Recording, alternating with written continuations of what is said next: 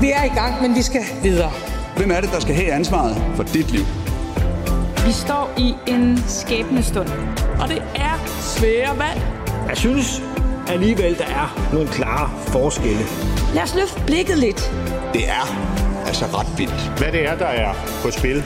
Bilerne har trillet ind og ud af Marienborg. Forhandlingerne om Danmarks nye regering er i gang. Jeg er egentlig overrasket over, hvor mange partier, der bliver ved bordet. Men hvad foregår der egentlig bag murene og i krone omkring forhandlingerne? Ja, hvad er det egentlig for et magtpolitisk forløb, vi er vidne til de her dage? Uanset hvad vi bliver enige om derinde om lidt, så er det vigtigt at have det lange lys på. Det skal vi nørde ned i sammen med to, der selv har været der helt inde bag murene og set magten blive forhandlet og fordelt. Og så skal vi også forbi et parti, der er helt ude af forhandlingerne. Det er ikke et spørgsmål om, vi ikke møder op til mere. Det er mere et spørgsmål om, jeg tror ikke, vi bliver inviteret ind til, til flere møder. Ja, så nu kan Danmarksdemokraterne i stedet koncentrere sig om at få styr på det der med at være et nyt parti på borgen, og måske også få styr på partiets politik. Det taler jeg med to af partiets nye og genvalgte folketingsmedlemmer om, som også er far og datter og kommer på besøg her i studiet sidst i udsendelsen. Du lytter til Mandat på Radio 4. Jeg hedder Pernille Rudbæk. I studiet er også politisk redaktør Thomas Larsen. Velkommen til. Thomas, øh, vi starter lige med en række tal. Det er 8 dage siden valget. 179 folketingsmedlemmer er blevet valgt ind. 64 nyvalgte. To afgåede formænd og en løsgænger. Sådan gik den første uge efter valget. Hvad har du hæftet dig ved? Jamen, det er klart, at det største fokus, det er jo selvfølgelig på valgets sejrsherre, eller måske snarere sejrskvinde, Mette Frederiksen, som er i gang med at prøve at danne en ny regering. Og det er jo noget, vi følger på, på daglig basis, også her på stationen. Og man kan sige, faktum er, at der er simpelthen ingen, som i ingen, der ved, hvor det her det ender endnu, hverken indholdsmæssigt eller i forhold til de bogstavkombinationer, der er tale om. Men det bliver et ekstremt spændende forløb også fremadrettet. Så har der jo været nogle øh, dramatiske øh, ting, der er sket i flere partier. Radikale Venstre, ny øh, formand, Sofie Carsten Nielsen, der må smide håndklædet i, i ringen, og øh, det nye lederskab, som så bliver styret af Martin Lidegaard.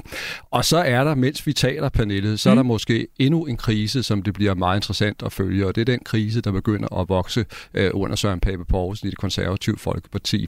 Uh, og det er altså faktisk uh, ret interessant at se den kritik, der begynder at, at boble op rundt omkring fra baglandet, og også fra flere af KF'erne uh, i det konservative bagland, altså Per Stig Møller og senest senest også en Connie Hedegaard, der øh, tager kniven frem og altså kritiserer en øh, valgkamp, som de synes har været kørt helt elendigt.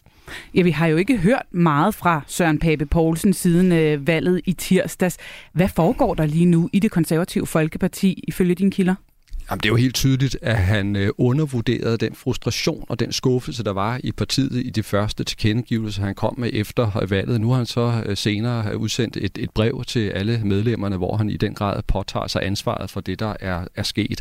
Uh, han står i en meget, meget delikat balancegang, altså hvor han på den ene side skal åbne for en form for uh, selvkritisk evaluering af, hvad der er sket i, i valgkampen, men på den anden side også skal passe på, at det ikke udløser masser af turbulens, splid og uro. Uh, det er en svær situation situation, han står i. Og så kan man jo altså se, at der er en del af hans partifælder, vi ved ikke hvor mange nu, men en del af hans partifælder, som har meget svært ved at se, at han skal stå i spidsen for partiet, når vi kommer frem til et næste valg. Og som du selv nævner, begynder der at være kritik rundt omkring i, øh, i krogene. I morges, der havde øh, vores morgenprogram også fat i en af de tidligere folketingskandidater øh, for de konservative. Hun hedder Dorte Smitrup Madsen og stillede op i Sydjyllands Storkreds, men kom altså ikke i, øh, i Folketinget. Hun sagde sådan her. Der var en, der helt, helt seriøst spurgte og det var altså ikke hende. Det var øh, Søren Pape Poulsen, der, øh, der, der talte på valgaften om øh, det her med, at der var en, der havde spurgt ham, om, øh, om han helt seriøst stillede op. Det var det forkerte klip, der var kommet ind. Sådan kan det gå. Men hun sagde i hvert fald i morges, at hun stillede spørgsmålstegn ved, om han er den rette formand for øh, partiet. Og det har hun i tvivl om. Thomas Larsen, øh, det har blevet stillet det her spørgsmål, det hørte vi også Søren Pape Poulsen sige her, at han den rette formand? Hvor alvorligt er det for ham? Kommer vi til at se den tredje afgående formand på, på bagkant af det her valg lige om lidt? Det er ekstremt svært at, at spå om, fordi der er flere modsatrettede kræfter i, i gang. Man skal stadigvæk huske på, at Søren Pape Poulsen, altså hos rigtig mange konservative, er en meget populær og vældigt øh, lederskikkelse. De kan lide ham, de ved, at han var med til at bringe altså, enighed og, og harmoni øh, internt i, i, i partiet, og det respekterer de ham for. Omvendt er det også klart, at de sidder og kigger på den her øretæve, der blev resultatet af folketingsvalget. Og jeg tror, det der i virkeligheden måske bliver det allergiftigste spørgsmål, som han kommer til at være omgæret af, det er, at mange af de konservative, de, siger, de vil sige, ja, det lykkedes rent faktisk Søren Pape Poulsen at rejse partiet, men kan han gøre det igen? Vil, være, vil han være i stand til at gøre det en gang til? Det spørgsmål, det vil cirkulere omkring ham, og øh, det er altså et farligt spørgsmål, skal jeg hilse at sige. Samtidig siger det jo så også lidt om, altså hvor brutalt og hvor blodigt et håndværk politik er. Vi skal bare to måneder tilbage. Der stod øh, Søren Pape Poulsen med kanon målinger. Øh, 16 procent af befolkningen var klar til at støtte det konservative Folkeparti. Han var den mest troværdige, mest populære partileder. Nu står vi her og diskuterer, om han kommer til at overleve som formand en af de mange ting, vi kommer til at følge tæt her på bagkant af valget. Lige om lidt, så skal vi altså dykke øh, fuldt ned i øh, de her regeringsforhandlinger, som jo alt andet lige fylder alle overskrifter øh, lige for tiden. Men inden vi gør det, så lad mig først lige minde om, at sms'en, som altid er åben, det er den på 1424. Så skulle du sidde derude og have spørgsmål eller input, ja, så smid dem endelig afsted til os. Og så kan jeg byde velkommen til to gæster her i studiet. Den ene, det er dig, Jakob Broen. Velkommen til. Tak for det. Du er jo øh, tidligere rådgiver fra Lars Løkke Rasmussen og sad med i øh, inderkredsen ved forhandlingerne efter valget i, øh, i 2015. Jeg skal også sige velkommen til dig, Henrik Kærmgaard. Tak skal du have. Tidligere kampagnechef i Radikale rådgiver for Margrethe Vestager var med i det her famøse sorte tårn tilbage i 2011, hvor der også blev forhandlet rekord lang tid. Hvor lang tid var det, I sad der? 18 dage. 18 lange dage. Jeg nåede skvat på min cykel undervejs en nat på vej hjem. Fordi du var så træt? Ja, sikkert noget. Ja, men det gik dramatisk for sig, øh, både inden og, og uden for tårnet, kan ja. jeg så høre. Ja. Øh, I skal forsøge at tage os sådan helt ind bag murene bag de regeringsforhandlinger, som øh, vi andre jo mest af alt blot må betragte udefra med de her lukkede døre og biler, der kører frem og tilbage, og så måske de her korte statements fra politikere indimellem. Det gik godt. Vi understregede øh, over for Mette Frederiksen, at hun jo står med et valg. Men selvfølgelig er jo ting jo til forhandling. Altså, det er jo derfor, vi dukker op jo. Altså. For os handler det faktisk om det politiske grundlag, men vi er klar til at indgå i en regering. Altså, nu er vi jo nok ikke i en position, hvor vi kan stille og stille krav, men vi har en masse idéer. Og det betyder også, at, øh, at embedsværket er, er, er med nu, så nu begynder der at, at komme ting på skrift. Ja, sådan lød øh, altså nogle af de meldinger, der er kommet fra de forskellige partier her i løbet af den seneste uges tid. Jakob Broen, øh, lad os bare lige starte med sådan at sætte en overskrift på det, vi er vidne til de her dage. Hvad er det for en øh, fase af regeringsforhandlingerne, der er i gang nu? Jamen, vi er stadigvæk i de, i de tidlige dage. Altså, øh, Mette Frederiksen er jo stadigvæk, tror jeg, øh, oprigtigt uafklaret på både, hvem bliver det parlamentariske grundlag for, for regeringen, og hvilken politik skal det føre. Så, så sædvanligvis ved man ret tidligt, det er rødt eller det er blåt, og så skal man selvfølgelig snakke om, hvem kommer ind i regeringen, hvem sidder udenfor. Men, men denne gang, der tror jeg faktisk helt oprigtigt, at, at også helt inde i toppen af Socialdemokratiet, der er ikke nogen præcis idé om, hvor lander det her egentlig henne, når vi er færdige.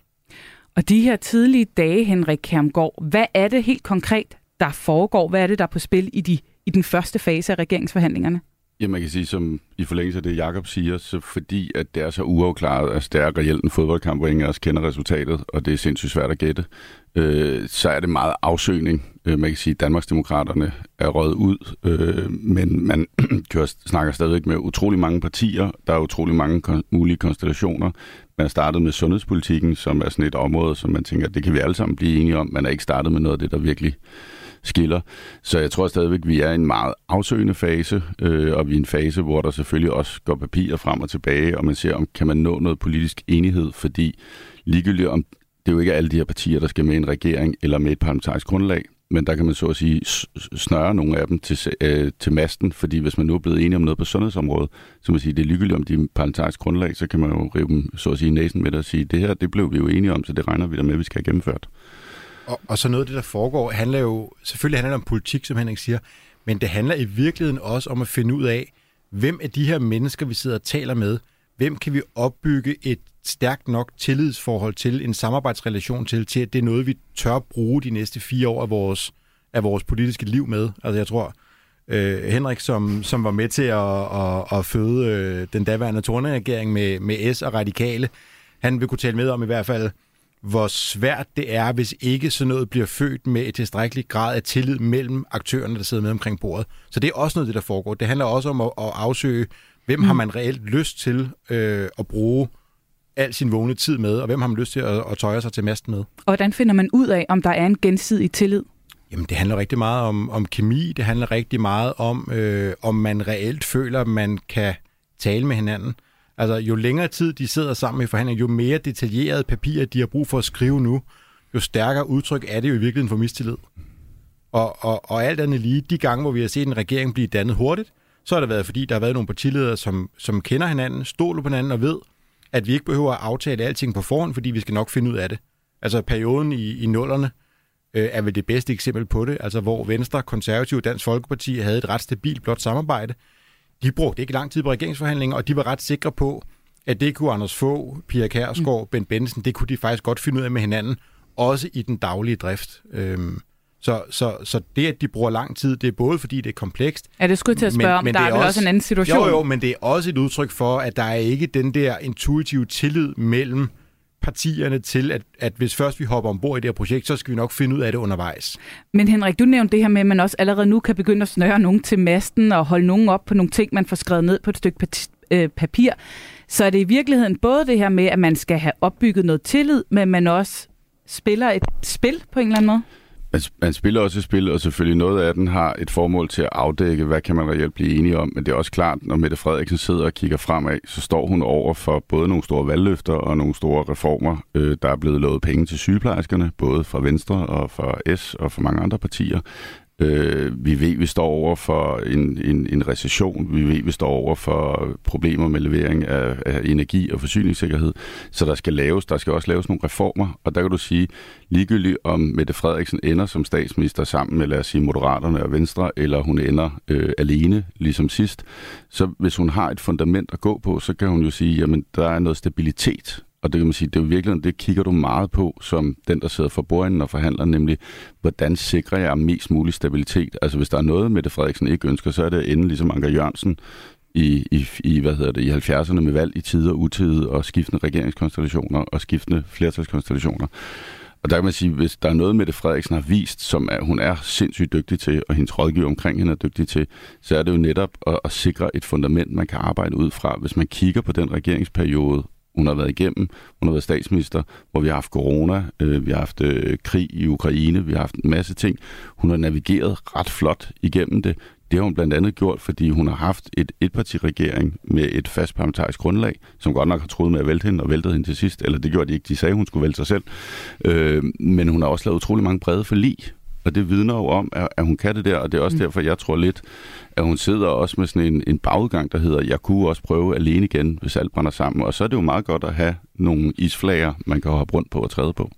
Og det er så de isflager, hun er ved at, at afsøge, hvor holdbare de hver især øh, er, og hvor tæt de vil flyde på hende. Ja, i gamle dage havde vi jo sådan nogle finanslov, som blev kaldt øh, kludetæppe og patchwork for lige og alt muligt, fordi de var syet sammen af mange forskellige konstellationer. Så havde man en delaftale mod højre, en delaftale mod venstre osv. Og jeg tror, at, at, der, at hun kan godt sidde og kigge på noget lignende igen, fordi man kan sige, det man ved lige så snart regeringsforhandlingerne er overstået, og folk går ud af lokalerne og ved, hvem der er kommet i regering og hvem der ikke er, så de første seks måneder, det er sådan noget, kan vi destabilisere projektet? Kan vi vælge dem? Kan vi lade være at støtte dem? Ikke? Mm. Og der er det jo svært for, altså det er lykkeligt, om det er Jakob Ellemann, eller om det er Martin Lidegaard, eller om det er Maj Villersen enhedslisten, og har siddet derinde og sagt, der er vi faktisk enige om noget. Nej, tre måneder senere i Folketingssalen, der mener noget helt andet, ikke? Fordi det også er skrevet ned på papir. Og det er sådan lidt om, hvad der sådan helt overordnet øh, er på spil med tillid og taktik og afsøge, hvem kan man lave hvad med, og hvilke plan A, B, C og D øh, kan hun arbejde med. Man kunne godt tænke mig, nu har I jo siddet derinde, og for alle os, der sidder udenfor, så er det jo sådan lidt omgæret med mystik, hvordan sådan nogle forhandlinger egentlig foregår. Det kan være ret svært at forestille sig. Øh, det ser meget hyggeligt ud på billederne, de sidder over for hinanden med en lille notesbog og en kop kaffe og lidt kage osv. Men Jakob Broen, altså Prøv sådan helt konkret at tage os med inde bag, hvad er det egentlig, der foregår derinde? Hvad er det for nogle snakke? Er det med opkald? Er det med lange rapporter? Eller hvad er det, man gør derinde ved forhandlingsbordet? Ja, det, det vi gjorde i 2015, der var det ikke øh, Marienborg, der var ramme om det, der var det Folketinget, øh, hvor øh, forhandlingerne dengang foregik. Øh, jamen, det er egentlig, man inviterer jo partierne ind, og, og typisk møder partierne jo op med en 2, 3, 4 øh, forhandlere, toppolitikere og, og en enkelt eller to rådgivere, som sidder med. Og, øh, og der deler man selvfølgelig øh, sådan sine hovedprioriteter på, hvad synes man er vigtigt. Øh, nogen har måske nogle enkelte papirer med, som de afleverer, ellers gør man det mundtligt, men, men for partierne, der bliver inviteret ind til Mette Frederiksens bord, der vil de jo ikke komme med overraskelser. De vil sige det, som er helt velkendt, det som de har lagt frem øh, både i og før valgkampen. Så det, de er nysgerrige på, det er i virkeligheden, om Mette Frederiksen sender nogle signaler om, hun er parat til at gå på kompromis, hun er parat til at, at bevæge sig i deres retning. Så, så man sidder typisk øh, tre-fire stykker på hver sin side af et bord, og har egentlig ofte en, en rimelig god og fornuftig og konstruktiv øh, snak med hinanden. Men, men de snakke, som er de vigtigste i virkeligheden, det er jo det, der handler om, hvem er det reelt, der er til noget? Hvem er det reelt, der vil, der vil i regering med hinanden? Hvem kan reelt gå på kompromis med nogle svære ting? Der er selv et rum, hvor, hvor der er øh, så få mennesker. Det er for stort. Mm. Og, og det foregår øh, alene mellem øh, partilederne. Så der er ligesom flere spor. Noget, der foregår i rummet, og noget, der foregår på øh, mobilsnakke og øh, andre møder uden for de officielle forhandlinger. Ja, det er der. Altså, øh, jeg kan huske, dengang i 15, der havde vi havde jo stort set møder i Folketinget hver dag. Det ser vi også på Marien, hvor der er mere eller mindre møder øh, de fleste dage, men altså, der er jo ikke nogen, der alvorligt tror på, at, at lørdag og søndag, som egentlig var hviledage, at de blev brugt af Mette Frederiksen på at være til spænding og gå tur i skoven. Altså, og i dag de blev er også, også brugt hviledag. på arbejde. Men du siger, i dag der, der er der også hviledag, der forhandler de faktisk også. Ja, det gør de på fuld damp. Øh, de gør det ikke i så store kredse, men, men de taler sammen mm. med øh, alle om alting, og det gør de på kryds og tværs. Du øh, var med til at skrive en drejebog, øh, dengang I lavede regeringsforhandlinger, ved jeg. I havde simpelthen fuldstændig udarbejdet sådan et opslagsværk med alt, hvad der var vigtigt at have med til de her forhandlinger. Hvad stod der i den bog? Hvad var øh, do's and don'ts i bogen? ja, men øh, typisk har du jo alt fra, øh, fra sådan noget helt lavpraktisk. Hvem skal vi huske at ringe til, hvornår, hvilken rækkefølge skal vi mødes med partierne i, hvor skal, hvor skal kaffen stå henne, og hvor kan folk mødes? Øh, alle de der lavpraktiske ting. Men det vigtigste er jo virkelig den politiske motor i det. Altså, hvad er det for nogle afgørende politiske sager, som vi skal levere på for vores partis vedkommende, og hvad er vores forventninger til, hvad de andre partier kommer med? Så, mm. så i 15, der havde vi både det, der i realiteten ville være Venstres regeringsgrundlag, hvis Venstre skulle skrive det selv, og vi havde et ret præcist billede af alle de partier, vi nu har dialog med, hvad vil være deres krav? Hvad har de fremsat som øh, lovforslag og beslutningssag i Folketinget? Øh, hvad har de krævet i medierne? Hvad har de givet store interviews om? Og, og brugt det til i virkeligheden at vide, lige så godt som dem, man sidder og forhandler med, hvad er egentlig deres politik?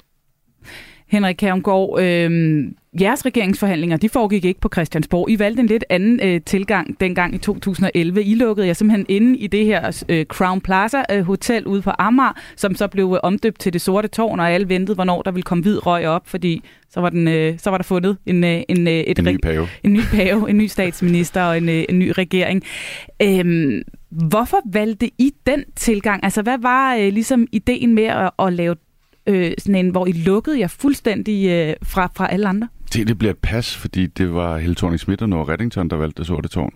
Og jeg ved faktisk ikke, hvad deres begrundelse var. Øh, jeg tror, ej, jeg vil gætte... Øh, Men var det en god idé? Nej, det var en lorte idé. Hvorfor? Fordi, at, altså jeg tror, nej, altså alt er respekt. Altså idé var, at vi skulle væk fra Christiansborg, fordi man skulle gemme sig, fordi de vidste, det blev besværligt. Det, som de så ikke helt fik tændt, og så valgte de det sorte tårn, fordi at det havde et eller andet klimamærke, så det var grønt. Det, Men de så sort. ikke lige fik tænkt over, det videre også om, at når man er lidt træt på baggrund af en valgkamp og så videre, så får man ikke tænkt alt igennem. Det man skal huske i sådan nogle situationer, du bliver altid fundet. Og det vil sige, selvfølgelig gik der nogle dage, hvor pressen var optaget af at jagte os og så videre, men du bliver fundet. Mm. Og to, det var et stort, sort tårn. Øh, så det blev aldrig rigtig en fortælling om, at vi sad og forhandlede i, i Klimavenlig Hotel. Så derfor, og så har jeg det også sådan netop øh, den sidste i 19 forhandlet Mette Frederiksen på Christiansborg. Lars Løkke har forhandlet på Christiansborg. Nu forhandler de på Marienborg. Det er sådan statsministerens embedsbolig. Jeg har det sådan, i de der situationer, der bør du ikke gemme dig. Altså, der skal du også vise, selvfølgelig mm. kan du håndtere presse og alt muligt andet, Øh, det er der nogle signaler i. Øh, altså, det var da hyggeligt at have en hel etage ude på det der hotel øh, og få ja. det samme mad serveret dag efter dag. Men, øh... men tog du ligesom nogle af, nu, nu som du også selv siger, du var jo så ikke den, der styrede forhandlingerne, men du kom som en af de uh, inviterede parter. Du kom som en af dem, der skulle uh, finde en vej ind i den her regering. Ja. Hvad var sådan ligesom, øh, havde I en drejebog med, eller nogle do's and don'ts, tips og tricks i ærmet? Nej, nu er Radikal Venstre et meget lille parti, med, og vi har slet ikke... Men noget større dengang jo. Noget større dengang. Øh, faktisk det bedste valg siden 73 stadigvæk hvis det bedste lige skal valg i 50 huske, år, hvis jeg lige skal sige det. Husk at nævne det. Reklame. Det? Mm. Reklame. Men, hvad hedder det? Nej, altså, øh, altså vi havde været rigtig, rigtig hårdt for os, og vi havde netop, som, som Jakob siger, vi havde lanceret nogle ting øh, frem mod valget. Vi havde lavet en reform. Øh, det er jo politikerne, der har lavet reformen, så det er sådan set ikke mig. Der var blevet lavet en reform sammen med Lars Løkkes regering om efterløn, om dagpenge øh, osv. Der var blevet lanceret øh, 6 milliarder øh, til, de social, til en social 2025-plan, øh, 2020-plan i valgkampen osv. Så, så der var en masse stepping stones, som man godt vidste, man ville have. Og så var der det afgørende i de forhandlinger, nemlig at Margrethe Vestager havde sagt, jeg er slet ikke sikker på, at jeg skal i regering. Jeg skal nok pege på Helle Thorning. Men jeg er sgu ikke sikker på, at jeg skal med den der regering. Og det var i virkeligheden det, der var nøglen og tipping point under hele forhandlingerne, at Helle Thorning og Willy Søvndal vidste ikke, om man kunne bygge et regeringsgrundlag, der var godt nok til at få de radikale med. Helle Thorning og Socialdemokraterne ville gerne have radikale med. De havde sådan set ikke rigtig lyst til at sidde alene med SF. Så det var det, der var det tipping point hele vejen igennem forhandlingerne. Så det var egentlig en øh, klog taktik at tage med dig ind, og ikke... Øh og ikke med det samme sige, vi vil gerne jer, men altså at spille kostbar i virkeligheden. Jamen, det var, ja, det var pressionsbolden mm. øh, mod den, og den viser jo så at give ret meget. Plus, at der var sådan der underliggende fortælling, som Thomas Larsen tit skrev om, da han arbejdede på Berlingske Tiden og så videre, nemlig, de kunne jo også finde på at gå over og lege med de blå. Ikke? Og det var rigtig godt, når han gjorde det. Det øh, skylder vi ham meget for. Jakob, du havde en kommentar. Ja, bare 2011-forhandlingerne er jo virkelig et meget godt eksempel på det her med, øh, at der ikke var så meget øh, tillid mellem parterne. Det var det ene. Det andet er, synes jeg, værdien af, eller problemet, hvis der ikke bliver kommunikeret undervejs. Altså fordi det, at der står journalister ude foran forhandlinger, det gør også, at man har mulighed for langsomt, gradvist at bevæge nogle kompromiser fremad. Mm. Ved stille og roligt at ændre det, man siger en lille smule ved at file på ultimative krav. Altså, alles overraskelse var jo voldsom i 2011, da, da Ville Søvndal og Helle Thorning kom ud af det tårn med en regeringsgrundlag, hvor der står, at den økonomiske politik, det skulle være en videreførsel af VK-regeringens økonomiske politik.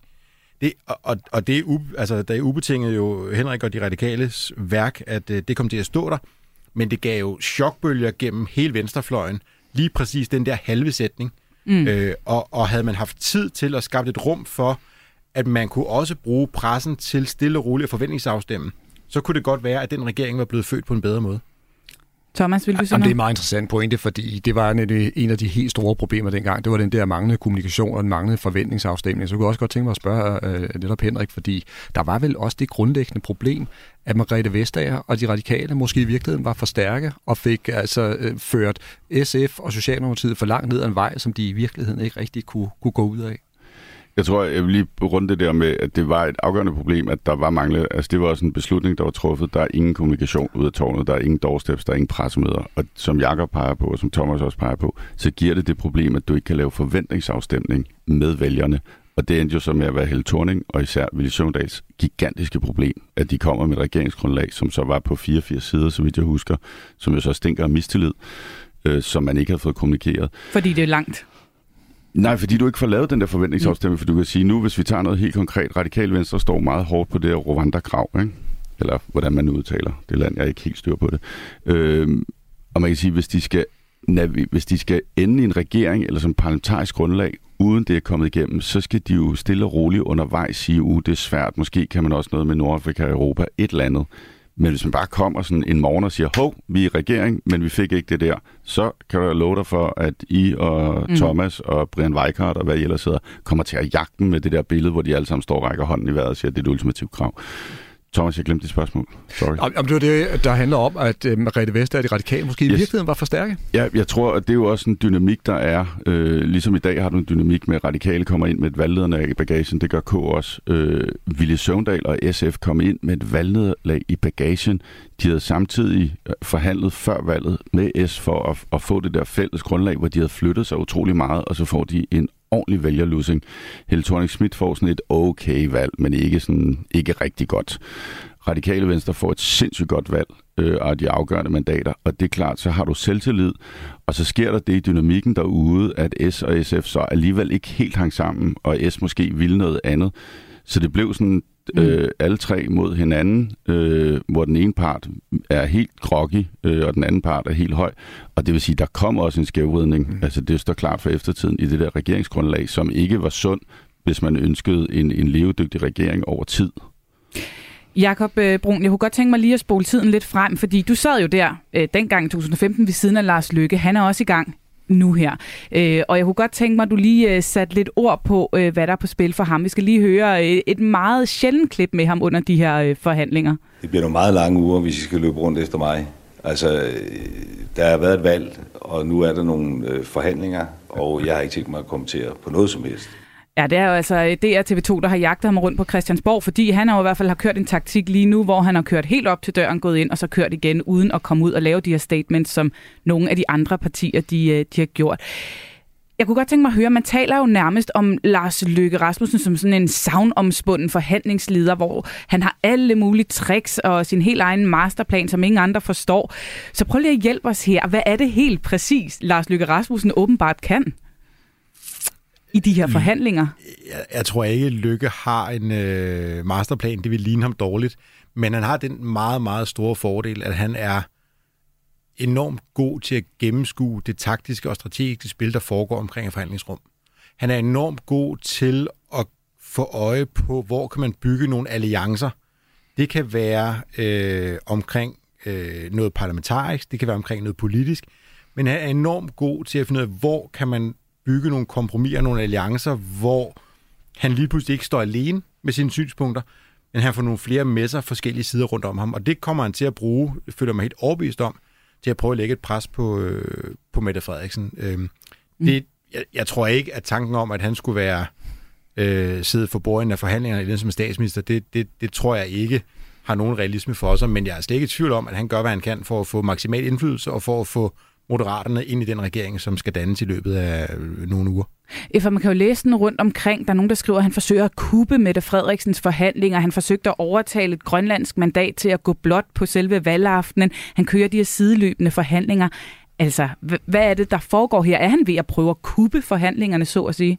Som sagt, jeg, jeg, jeg tror, det er svært at forestille sig med det valgresultat, hvor Socialdemokratiet er blevet det eneste store parti, der er tilbage i Folketinget det, det bliver lidt for fantasifuldt at forestille sig en regering med sådan et kludetæppe af 7, 8, 9 partier rundt om Mette Frederiksen. Det, det tror jeg simpelthen oprigtigt ikke rigtigt på.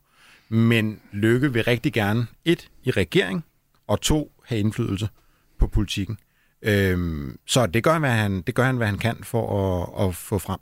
Og det er jo så heller ikke kun Lars Løkke Rasmussen, der sidder som en helt central del af, af, af spillet her. Det, øh, det gør ham her jo også. Altså i princippet kunne jeg se alle mulige kombinationer for mig, og øh, vi konsulterer også øh, de andre partier omkring midten selvfølgelig, og vil meget gerne være med til at facilitere øh, en god proces. Men altså, vi har peget på en kongelig undersøger, og hovedsporet er selvfølgelig øh, hos hende på Marienborg. Altså, vi er jo hen i din boldgade, Henrik Kærumgaard. Det er selvfølgelig den øh, nyvalgte øh, formand for øh, de radikale, Martin Lidegaard, som øh, DR fanget her til et øh, hovedbestyrelsesmøde. Øhm, man kan jo sige, at de radikale de kom fuldstændig sønderslået ud af det her valg. Sofie Carsten Nielsen har trukket sig øh, som formand. Hvordan ser du de radikales øh, rolle med dit kendskab til partiet, Henrik Kærumgaard, i de forhandlinger, der foregår nu? Jamen, man kan sige, man kan jo sige, det er sådan et både over i øvrigt virkeligheden meget radikalt svar. Ikke? At sige, ja, hvis du kigger, på, måde rød, du hvis du kigger på rød blok, så har de objektivt de afgørende mandater, fordi de har de mandater, der giver Mette Frederiksen flertal. Men hvis de ikke vil bruge dem til noget, hvis de ikke har nu snakket om det, Margrethe Vestager havde en pression, der hed, at Helle thorning Schmidt gerne ville have en regering, og hun var sådan nølende omkring det, og så var der den der fortælling om, vi kunne også finde på at gå blot. Der er ikke en fortælling i dag om, at Martin Lidegaard og Radikal Venstre kan finde på at gå blot eller lave et alternativ. De har både øh, bedt Mette om at vælge sig selv og peget på hende igen. De har været låst til S siden 1992-93, siden Tamilsagen i virkeligheden. Så jeg tror, at, at, at i virkeligheden så er spørgsmålet, har de noget leverage, har de noget at tro med?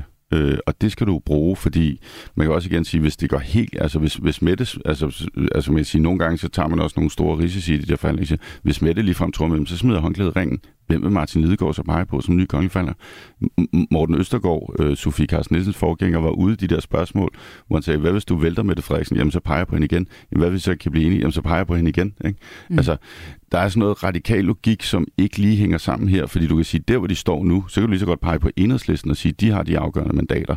Så i virkeligheden kan du sige, de der forhandlinger, selvfølgelig kan du komme langt med diplomatisk snak og pragmatisme, men nogle gange så sidder du også og skændes om nogle ting og nogle få sætninger.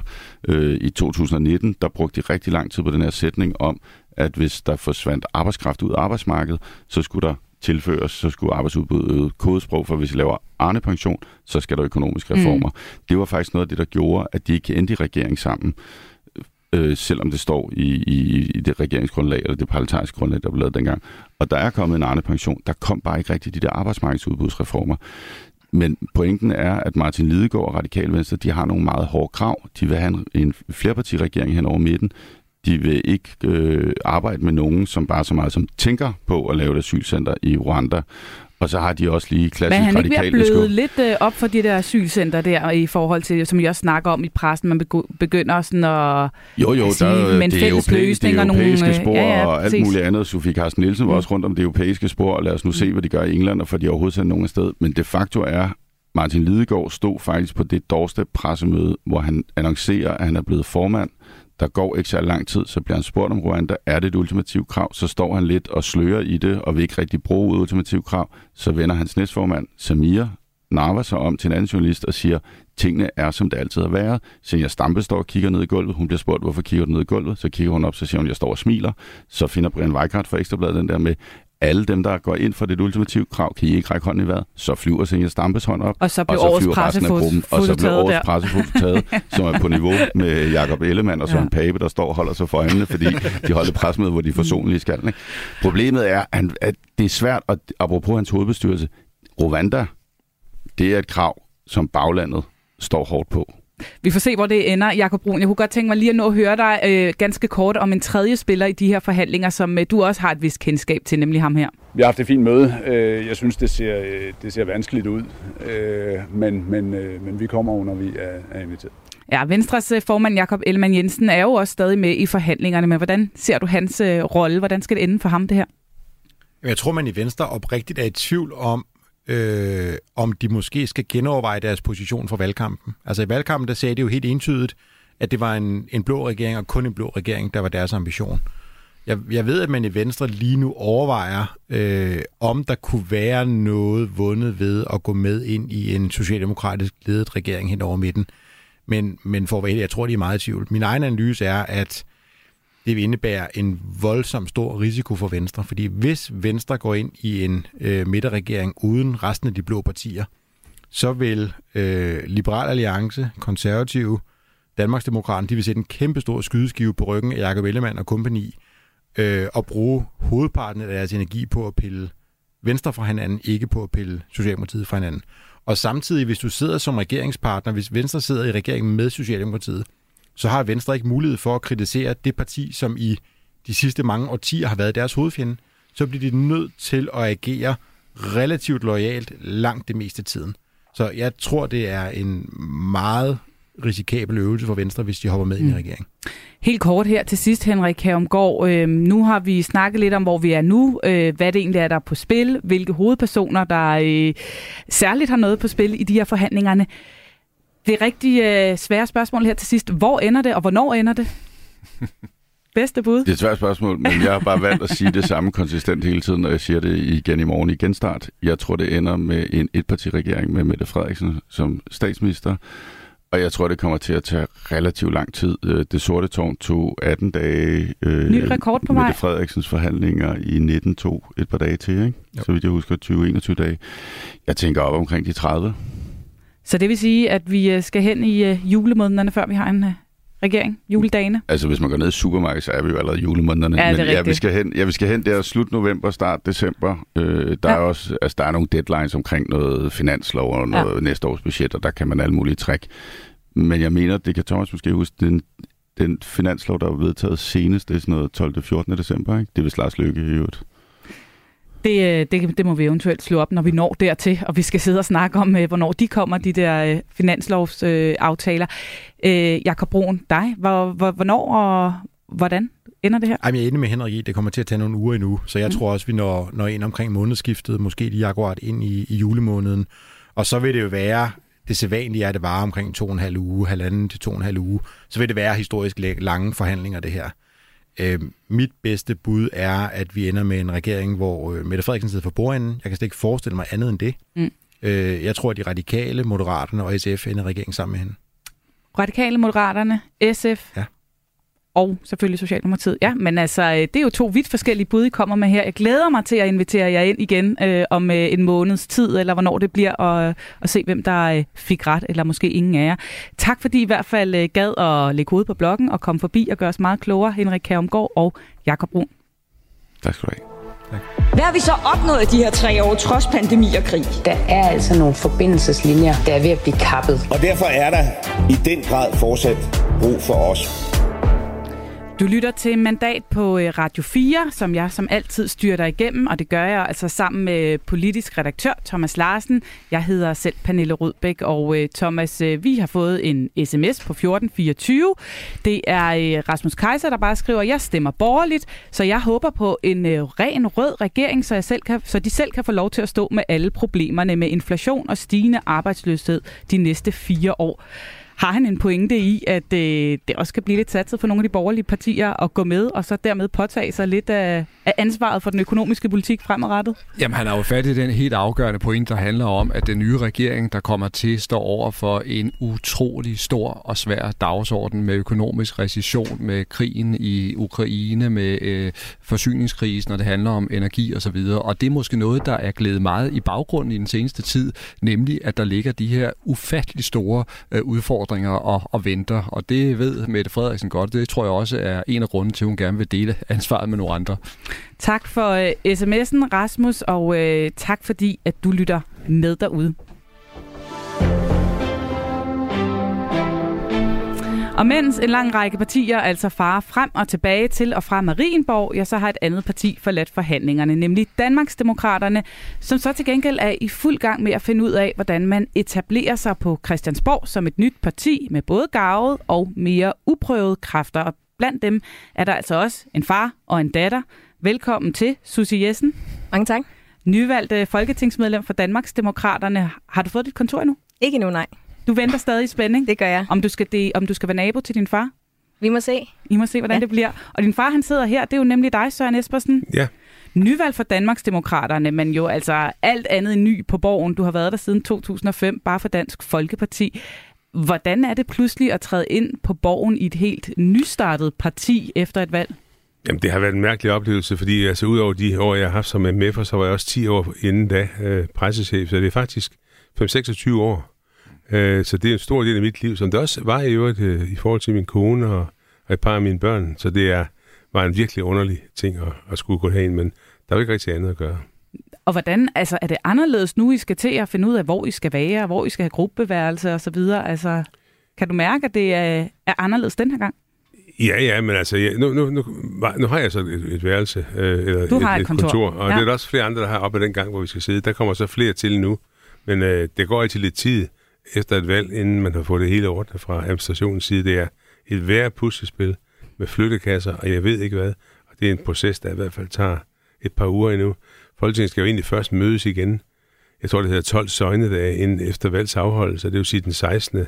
december, øh, november, der, der mødes Folketinget og godkender sig selv, og der skulle meget gerne være på plads. Men, men det er kaotisk lige nu Så på I er, midt i, I er midt i flytte- og omjusteringskaoset lige nu, øh, Susie Jensen. Nu har I jo sådan kunne pendle frem og tilbage, har jeg hørt, i går og i dag hjemmefra og til København. Det lyder meget hyggeligt, far og datter kører sammen til og fra arbejde på den måde. Men hvordan er det egentlig for dig at træde ind på den politiske scene sådan for første gang og så samtidig skulle være nogens datter? Jamen, det er noget særligt. Altså, jeg har jo arbejdet derinde øh, i nogle år som øh, politisk konsulent, men det har jo altid været i baggrunden. Mm. Det har jo altid været mig, der sidder bag computeren, og så har jeg skrevet en masse, og så har jeg hjulpet politikerne den vej. Så det er jo noget helt særligt sådan at skulle øh, stille sig frem nu og være i radioen ligesom nu, og, og i fjernsynet og alle de her forskellige ting. Og det bliver jo også noget andet at komme i gang med selve det der rugbrødsarbejde, der også ligger i, i at være politiker. Så det glæder jeg mig rigtig meget til. Men har du gjort dig nogle overvejelser om det her med at dele parti med din far? Jeg synes, det er hyggeligt. Det er det da. Altså, vi sparer jo også meget med hinanden og sådan nogle ting, så, så det, er da, det er da rigtig hyggeligt. Men øhm, jeg tror også, vi begge to har det sådan, at øh, når vi så står derinde, og hvis vi er til gruppemøder og sådan nogle ting, så tager vi også en professionel hat på, og så er vi der som kollegaer og, og folketingsmedlemmer begge to. Søren, hvordan synes du, det er pludselig at skulle have din datter med på arbejde? Det er skægt. Altså, det, det er virkelig sådan overrumplende, og jeg er utrolig glad for, at det endte, endte, hvor det gjorde, for jeg vil også synes, jeg er brændt for det her. Og nogle gange kan vi øh, godt køre sammen. Ja, vi bor ikke så færdigt langt fra hinanden ned af, af, af Køge Bugt, motorvejen der. Øh, Susie bor i nærheden af følge, og jeg bor nede ved, hvor den bor. Så det er jo lige at sætte af eller sætte på, hvis det passer. I dag passer det så ikke, for der er andre ting, der skal, der skal falde på plads. Men øh, jo, vi kommer nok til at køre en enkelt, mm. enkelt gang. Normalt tager jeg altid toget ind og venter egentlig på, at, at DSB finder ud af, hvordan man laver togdrift og det er en helt anden historie, ja. som øh, vi må vende tilbage til en anden gang. Men Søren Espersen, jeg kunne godt tænke mig at høre, altså øh, nu sender du din datter ind i et øh, politisk spil, som også kan være hårdt. Hvordan bliver det som far at skulle stå der og, og se din datter på, øh, på egne ben i det parti? Altså vil du kunne lade være med lige at komme med et faderligt råd øh, en gang imellem? Sikkert ikke. Det, det tror jeg, men altså nu har vi, vi har en mentorordning øh, med den nye og den gamle gruppe, og, og synes jeg er så heldig, at jeg har fået Skiby, ja. se Skiby som mentor så, så må han tage sig af det. Og men, det synes jeg også, det skal det også være. Men har I haft en snak om, øh, hvordan det skal være derinde? Sådan, så vi, nu siger to... du, Susi, at øh, I skal være professionelle. Altså, hvordan skal I være det? Jo, men altså, når vi er på Christiansborg i, i politisk sammenhæng, så synes jeg, det er meget, meget væsentligt, at vi, vi adskiller øh, lige familie øh, på, det, på det situation. Der kan godt være nogle ting, der, der går i en helt anden retning, for som Susi synes, og, og hvor jeg måske ikke synes, det er så godt. Og det, det tager vi så med, øh, når det kommer. Så jeg kunne godt tænke mig lige at spørge til den der mentorordning, du, øh, du nævnte øh, der, fordi hvor kommer inspirationen fra? Fordi det er jo noget, der er sådan lidt overset uh, i, forhold til mange af de mennesker, der ikke kender Christiansborg. Men sagen er jo, at der kommer efter hver valg en masse nye ind, og pludselig skal finde deres ben på en meget stor og kompleks uh, arbejdsplads, og hvor der også er masser af faldgrupper i forhold til pressen osv. Så, videre. så hvad er det, I prøver at gøre i forhold til at hjælpe det nye på vej? Jeg tror, jeg, i første omgang er det alt det praktiske, der skal, der skal til. Alt det, vi, vi nævnte før, der skal falde på plads. Ja. Og og, og, der, og der vil Skibby jo også kunne give Susie en masse råd om, hvordan hun skal agere. Også i politisk sammenhæng med, med alle de her forskellige ting. Susie har, har så mærket lugten derinde på Christiansborg i nogle år, og vil nok ikke blive så øh, chokeret over det. Det hun så kommer ud for, jamen det håber jeg, der bliver, bliver godt. Øh, hun har så også oplevet en situation, hvor det ikke var så let at være medlem af Dansk Folkeparti, skulle jeg, skulle jeg hilse at sige, og det har hun jo mærket også på sin egen krop i forhold til, de veninder og venner og så videre. Det har jeg jo alle mine børn. Så det har været en stor øh, byrde for dem. Nogen, i nogen tid, nu er det helt anderledes. Øh, det var det jo også i sidste år i, i Dansk Folkeparti. Der var det ligesom, det var blevet en... Det var sådan, det, det, det måtte man godt, øh, det må godt være her. Hvilket mm. jo var generøst af, af publikum. Men jeg tror også, det, det er vigtigt, altså, når man beslutter sig for at gå ind i politik, at man også kan børste ting af sig. Altså, at man, øh, man er hårdhudet. Øh, og det er også derfor, jeg egentlig tænker, at det er en god tid nu, at jeg begynder... Jeg skulle ikke have gjort det for 10 år siden, for eksempel. Fordi jeg, altså, jeg er snart 40 om tre år eller sådan noget, og jeg tror, at jeg er efterhånden noget der til, hvor jeg, hvor jeg begynder at være lidt ligeglad med, hvad folk synes og tænker om mig og sådan nogle ting. Så det tror jeg er godt at have med som politiker, fordi man kan jo ikke gøre alle glade, det skal man bare vide. Ja. Og, og du er jo øh, ikke en af, altså du er ikke den eneste nyvalgte, der træder ind øh, på Christiansborg nu og skal finde ud af, hvordan det hele øh, foregår. Der er i alt 64 nyvalgte ved, ved tirsdagens valg, og det giver faktisk en af de største udskiftninger af, af medlemmer nogensinde, kun overgået i 2011 og 1973. Øhm, nu var der den her mentorordning, vi snakkede om, men hvad bliver ellers afgørende, tænker du, for at øh, du kommer så godt i gang, at du ikke bliver øh, en ny en, som ikke rigtig, øh, du ved, kan få den indflydelse, som både du vil, men som også Danmarksdemokraterne vil have? Altså, hvordan bliver du klædt godt nok på til at kunne også være med til at løfte Danmarksdemokraterne ind øh, på Christiansborg? Jeg tror også selv, man har et ansvar for at gå ud og markere sig og, og være med og deltage, altså hele vejen rundt. Det tror jeg, man selv har som, øh, som nyvalgt folketingsmedlem, og engagere sig alle de steder, man kan overhovedet. Øh, omfavne sit ordførerskab, når man får det, og, og dykke ned i, i de ting, der, der kommer. Det, det tror jeg er rigtig, rigtig vigtigt. Så man har selv et stort ansvar for at, at komme på banen, og det har jeg også tænkt mig. Søren øh, Espersen, jeg kunne godt tænke mig lige at, at høre dig lidt nærmere om det her med, nu siger du, der er øh, i gang med at etablere jer. Det er sådan de meget sådan, praktiske øh, ting her nu. Men når det ligesom er på plads, så skal I jo også til at bygge Danmarks Demokraterne op som det her nye parti i Folketinget. Hvad bliver det for et arbejde? Ja, det, det kan også blive et organisatorisk arbejde øh, ude i landet. Jeg ved ikke, hvor det ender i forhold til medlemskab og øh, hvad det er der. I øjeblikket har vi jo ingen medlemmer undtagen dem, der sidder i folketidsgruppen. Så det skal øh, også i gang? Det, det skal også i gang på, på et tidspunkt. Der er mange, der presser på for det. Øh, jeg ved ikke, hvor det, hvor det ender. Det bliver ikke nu og her, fordi der er masser af ting, der skal på plads øh, i forbindelse med alt det, der foregår på Marienborg, selvom vi er, mm. er ude af det øh, allerede.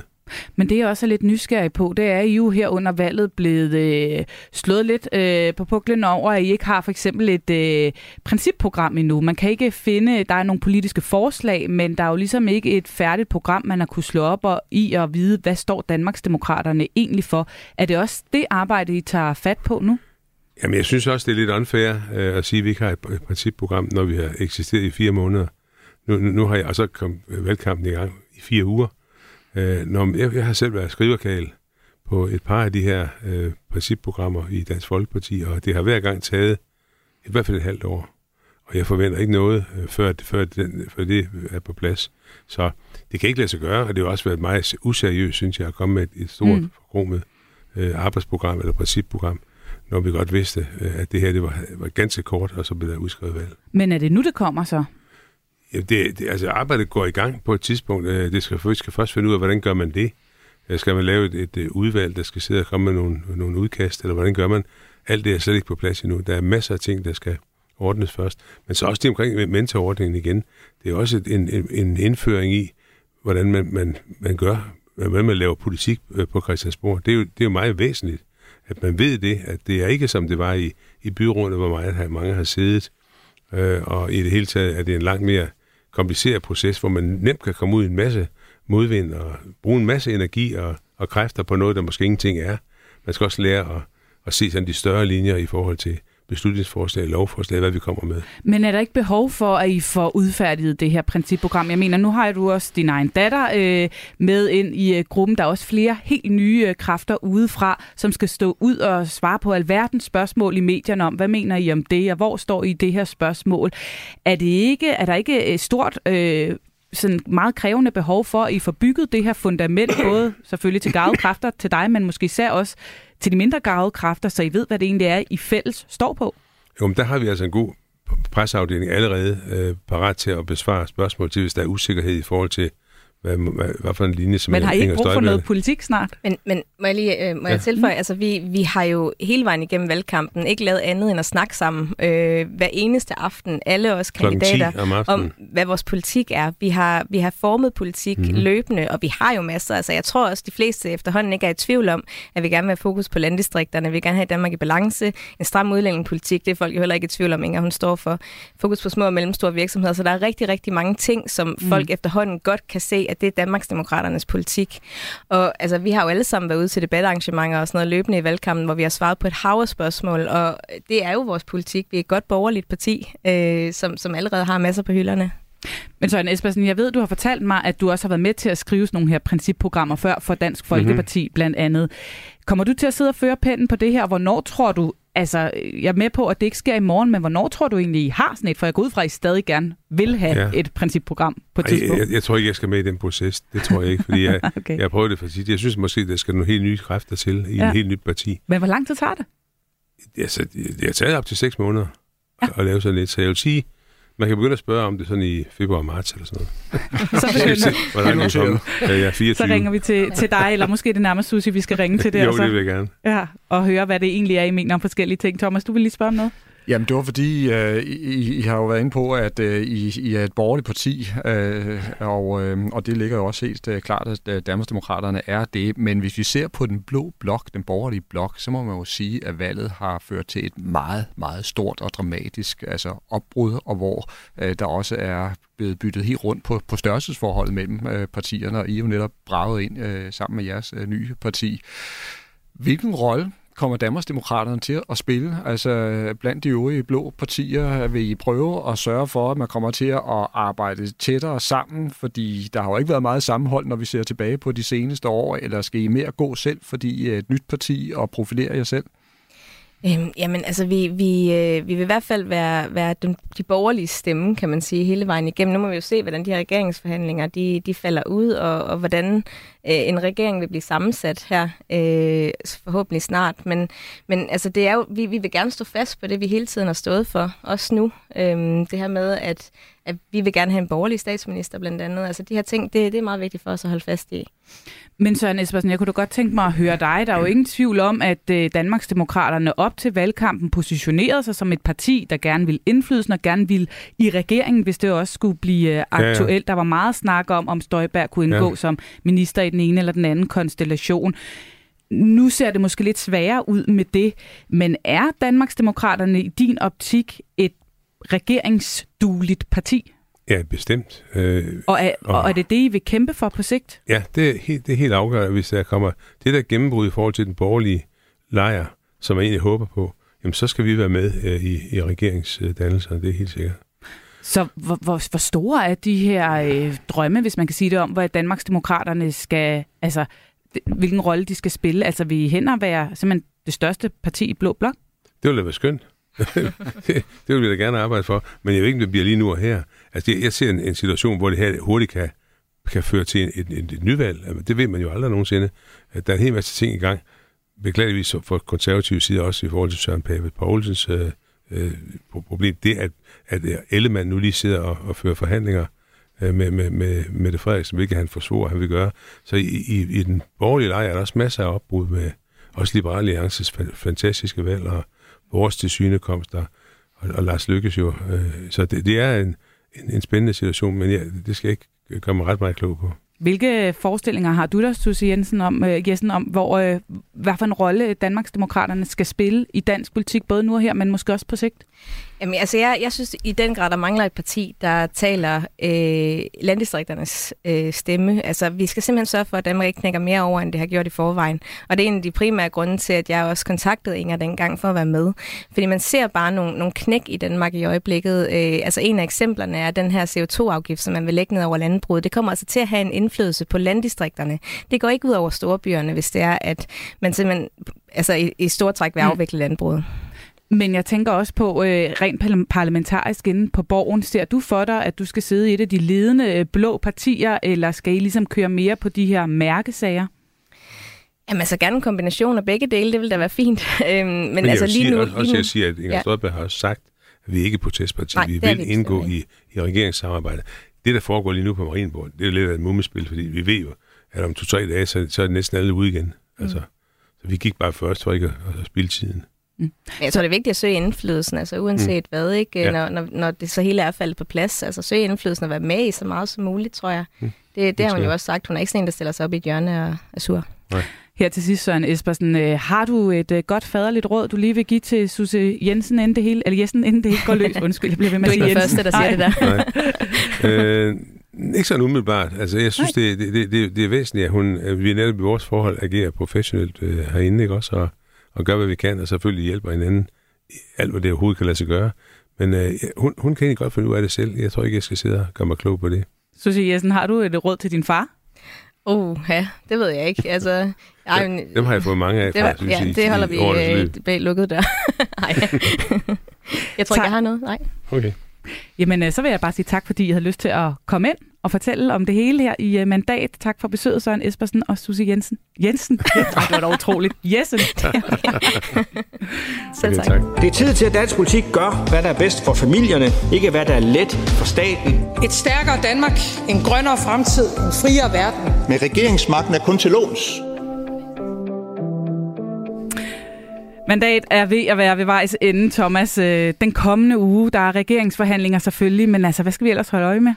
Det er klart, at regeringsforhandlingerne det er altså tema nummer et, og det bliver spændende at følge, men altså, det kan så også blive uh, dramatisk uh, i forhold til Dansk Folkeparti, som vi ikke har talt så meget om, mm. fordi der venter altså en uh, vanskelig uh, retssag på Morten Messersmith, som ligesom har været stillet i, i, i bero, og der er det jo klart, det bliver et meget, meget interessant forløb, altså hvordan han kommer igennem uh, det.